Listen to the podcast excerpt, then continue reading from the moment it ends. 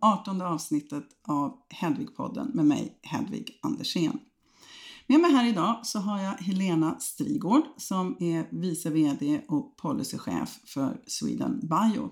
Så jättekul att du kunde komma hit och prata idag. Jag är glad för det. Tackar. Tack för att du kunde komma. Och innan eh, du kom till Sweden Bio så arbetade du ju som uh, opolitisk tjänsteman på Finansdepartementets budgetavdelning och så hade du bland annat ansvar för närings och forskningspolitiken.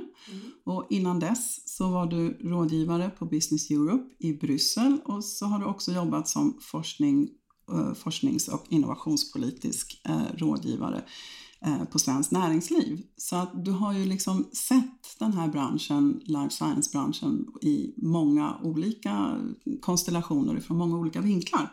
Så min första fråga till dig eh, idag är vilka är de största utmaningarna som du ser för eh, svensk life science? Långsiktigt så skulle jag säga att det är att, att ekosystemet som vi har för life science, att det är inte riktigt komplett idag. Mm. Att det haltar. Och det jag tänker på då, det är det här att, att branschstrukturen är att vi har väldigt många små bolag. Vi har inte så många stora. Eh, vi har haft huvudkontor som har lämnat landet och det har lämnat en, en eh, lucka som vi mm. behöver, behöver fylla. Mm. Eh, och det vi, det vi vis har tappat eller som står på spel då, det är en av de sakerna är kompetensförsörjning och kunskap om hur man, hur man tar fram läkemedel från, från ax till limpa. För de stora bolagen, de har ju då fungerat som, som plantskola mm. Eh, för många som sen startar egna mm. lådor. Eh, och också det här att, att man eh, behöver ha en, en första liksom, kvalificerad kund som mm. hjälper en på vägen. Och eh, det här business to business samspelet mellan olika mm, typer och storlekar av företag i ekosystemet, det är väldigt viktigt. Där ser vi att det haltar lite just nu. Ja, det, det, är roligt att du säger det, för att jag vet när jag jobbade som investerare så, så såg jag eh, faktiskt en skillnad på de företag som eh, kom ifrån Uppsala-regionen. Eh, och, det verkar liksom som att de har en annan affärsmognad i, sitt uppbygg, i sin uppbyggnad än vad många andra tidiga och, och unga projekt och företag har. Och, och, min tanke då var att ja, men det här är liksom sen farmaciatiden för att det fanns liksom en koppling mellan mm. de, de bolagen som, ja det är många som slutade på Pharmacia som startade bolag och det är väl samma sak också runt Astra lite grann. Så, att, så att det där är viktigt. Och jag tycker också att jag ser nu att det finns mycket eh, utav de här medelstora företagen som ligger runt universiteten, typ i Italien och i Spanien. Och, och det har vi ju inte alls här, som också blir liksom en ett steg på vägen. Att man får liksom inte bara de stora jättarna utan att man också har ett samarbete med, med mm. mellanstora företag. Och det är ett segment som, som lyser rätt mycket med sin frånvaro. Mm. Uh, och, och jag är lite förbryllad över det här för att i förhållande till sin befolkningsstorlek så har ju Sverige väldigt många välrenommerade universitet och högskolor inte minst Karolinska och Uppsala och Lund och så. Ehm, och, och nya siffror från SCB visar också att eh, mätt i andelen BNP så är det bara USA som satsar mer på forskning och utveckling än Sverige.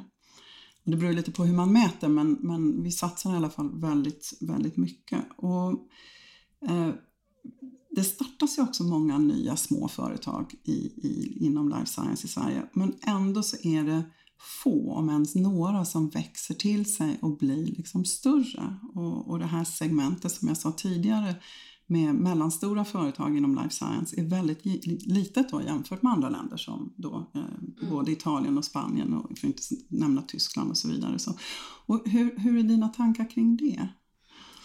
Ja, först tänker jag att, att eh, vi är ju väldigt tydliga med att vi prioriterar life science i eh, forskning och, och, och, tidiga insatser. Eh, från både den här regeringens och tidigare regeringars sida så har det funnits en, en kontinuitet ändå i att man har, man har satsat på life science och det hoppas vi att man kommer fortsätta göra.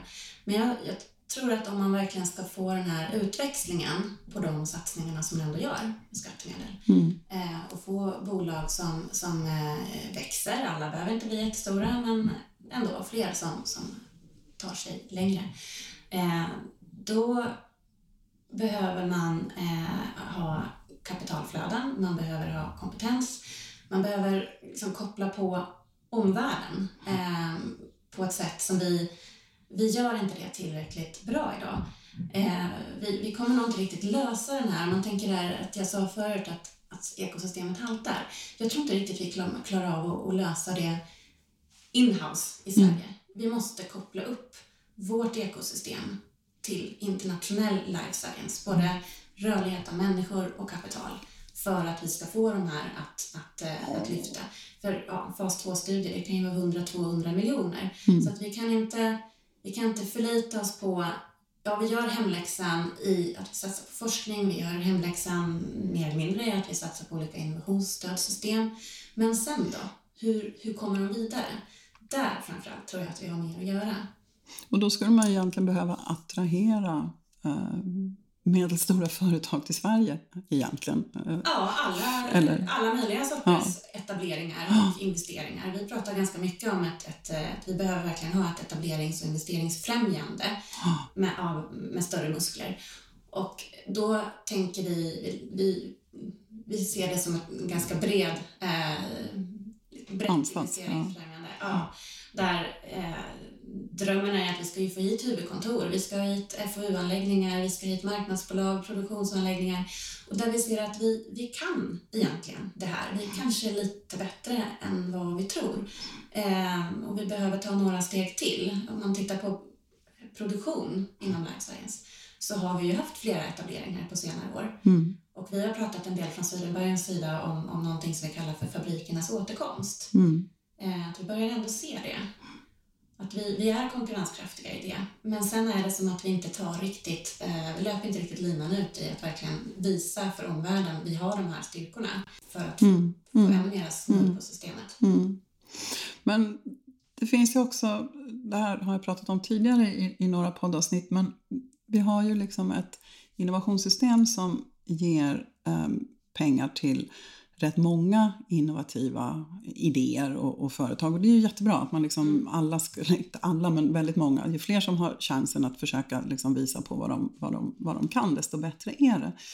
Men personligen så är jag lite oroad av att det liksom inte sker en starkare selektering i nästa skede utan att man fortsätter att stödja företag eh, som kanske inte har en tydlig målbild och inte har kanske ens förutsättningarna att lyckas eh, längre fram.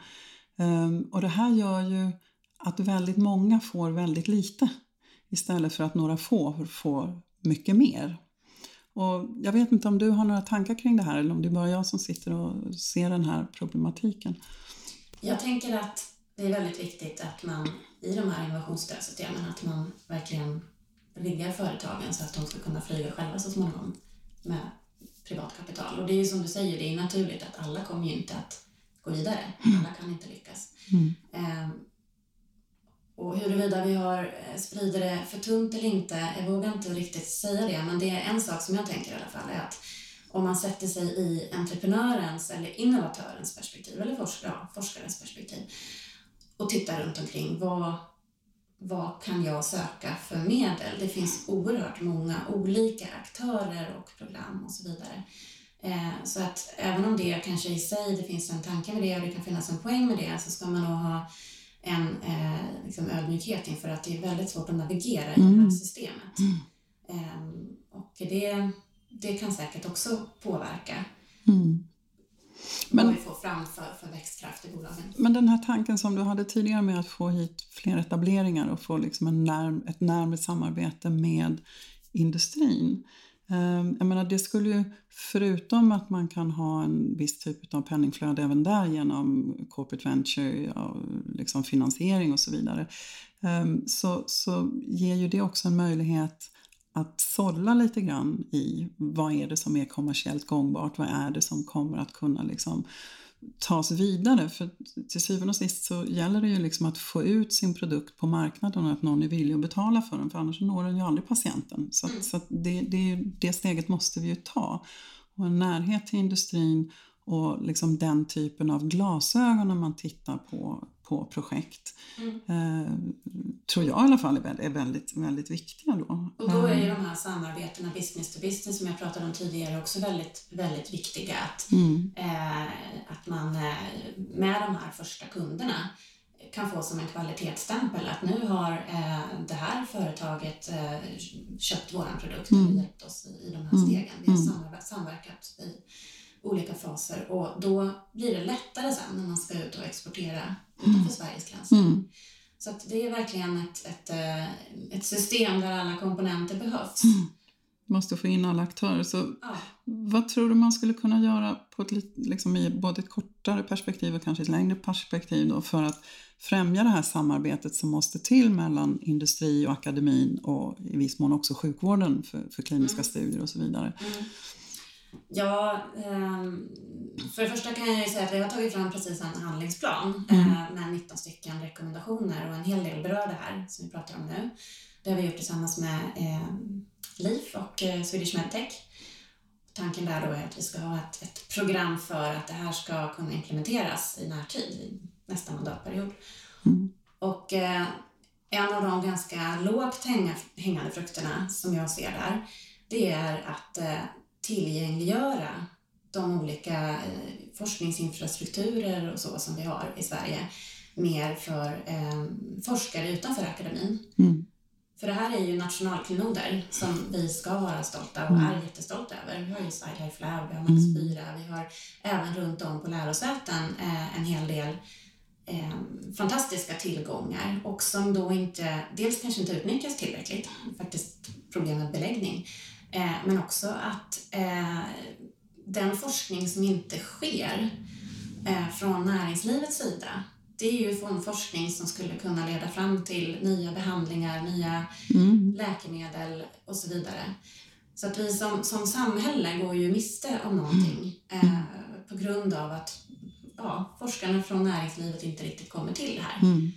Och där, jag säger att en lågt hängande frukt, det är förstås många komponenter i lösa det. Men det finns några eh, rätt givna steg inledningsvis och, och eh, en sådan är att man eh, behöver skapa förutsättningar att ta, ut, eh, ta betalt, mm. betalningsmodeller mm. Mm. Eh, för de forskare som kommer in och, och även styrsignaler och, och eh, attityder och så vidare från, från eh, beslutsfattare att det här är önskvärt, det spelar roll. Mm. Ja, för då skulle man ju också kunna få till det här liksom, informationsflödet som du pratade om ja. tidigare som är mm. så, så centralt. Och du berör en annan punkt där som jag också har funderat lite kring och det är ju det här med liksom, tydliga regler så att liksom, även forskarna vet eh, vad är det som gäller. Jag vet till exempel har jag kommit eh, i kontakt med en del forskare som också arbetar kliniskt. För det är inte så sällsynt att du kan vara både liksom läkare och jobba på sjukhuset och ha patienter och sen så har du en forskningsgrupp och jobbar som forskare också. Och då kan du bedriva en del utav dina kliniska studier på kliniken mm. som du arbetar på. Och, mm. och, det är ju jättepositivt men det är ju bara det att ja, men vem äger resultaten då? Är det landstinget? Är det gjort på din arbetstid så att det liksom är där gränsdragningen går? Eller faller det under lärarundantaget och är det då liksom en, en, mm. en forskning som bedrivs på, på eh, universitetet? Ja. Och, och där kommer vi in också på behovet av, av stöd kring mm. hur man upprättar avtal, vad, vad gäller kring sekretess och IP och så vidare. Mm. Så det finns, det finns ganska mycket konkret att göra där. Och en likriktning tror jag, för att det där är någonting, för att jag har, när jag har pratat med forskare och med, med läkare som, har, som är i den här situationen, en del tycker bara att jag vill inte gå in i, klinik, i klinisk forskning för att då trampar jag på miner så att jag låter hellre bli så jag stannar kvar i preklinik. Mm. Och det är ju sorgligt. Um, och, och, och sen finns det andra som har liksom då stött på problem.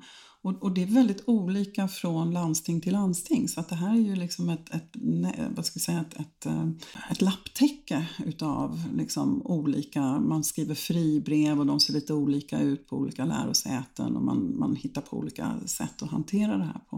Mm. Så att en likriktning tror jag skulle vara väldigt välkomnat så att alla har liksom ungefär samma förutsättningar. Ja, precis. Ja. Och när du pratar om, om eh, kliniska studier, forskning på klinik så då tänker jag också på eh, behovet av eh, att det finns styrsignaler från eh, sjukhusledningar. Mm. Att det är, det är önskvärt, det är premierat att läkare faktiskt kan lägga tid på mm. eh, klinisk forskning. Mm. Och eh, där har vi ju tappat, mm. tyvärr. Vi har ju varit som ett vippland. Ja, ja jag vet. Studier. Och, eh, dels skulle jag säga att det finns såna här liksom, styrkor som vi har men som vi inte riktigt förmår att marknadsföra tillräckligt. Det är en, ett problem vi ser. Men sen är det ju också de här styrkorna som vi lite grann håller på att tappa, eller redan mm. har tappat. Så Vilka är det du tänker på då? Ja, men som till exempel då att vi har, har varit ett vippland för mm. kliniska studier mm. och där vi behöver återta. Mm. Men sen finns det ju då annat som är eh, alldeles exceptionellt bra och eh, vi har ju vi har ju våra eh, forskningsinfrastrukturer och vi har eh, eh patientdata och så vidare mm. som man kan bygga mm. på. Mm. Och då gäller det att man förmår att eh, uppmärksamma alla de där i life science-världen utanför Sveriges gränser att mm. här har vi någonting. Bättre på marknadsföring. Mm. Mm. Absolut. Så om, om du skulle föreslå tre åtgärder för att lyfta svensk life science till världsklass, vilka skulle det vara? Bara tre, inte 19 Du får välja ut tre. Ja, jo men eh, nu har jag varit inne på, på några redan. Jag tycker det här med kliniska studier och forskningsinfrastruktur och så, tillgängliggörandet där, det, det är väldigt viktigt just för att det är, jag tror att vi vet vad som behöver göras. Det är nära i tiden att, att uh, kunna plocka de frukterna. Men eh, sen skulle jag vilja se en större öppenhet för internationella samarbeten överlag. Eh, och det är väl kanske ett medskick då till vem som nu sätter sig i regeringsställning efter september att eh, eh, när man gör satsningar i nya forsknings och innovationspropositionen att man tänker inter internationellt mm. först mm. från början. Mm. Eh, att eh, det är så mycket lättare om man har riggat liksom, den juridiska formen och, och, och ja, eh, hela ansatsen, visionen med olika satsningar för att det här är någonting som vi ska locka hit resten av världen med. Mm. Hur mm. gör vi det? Mm. Och då underlättar om man har tänkt så från första början. Låter väldigt bra. Mm. Eller hur? Ja. Men vi kanske ska sluta så för den här gången. Tack jättemycket Helena för att du ville vara med och mm. jättekul att prata med dig. Så hej då och på återhörande.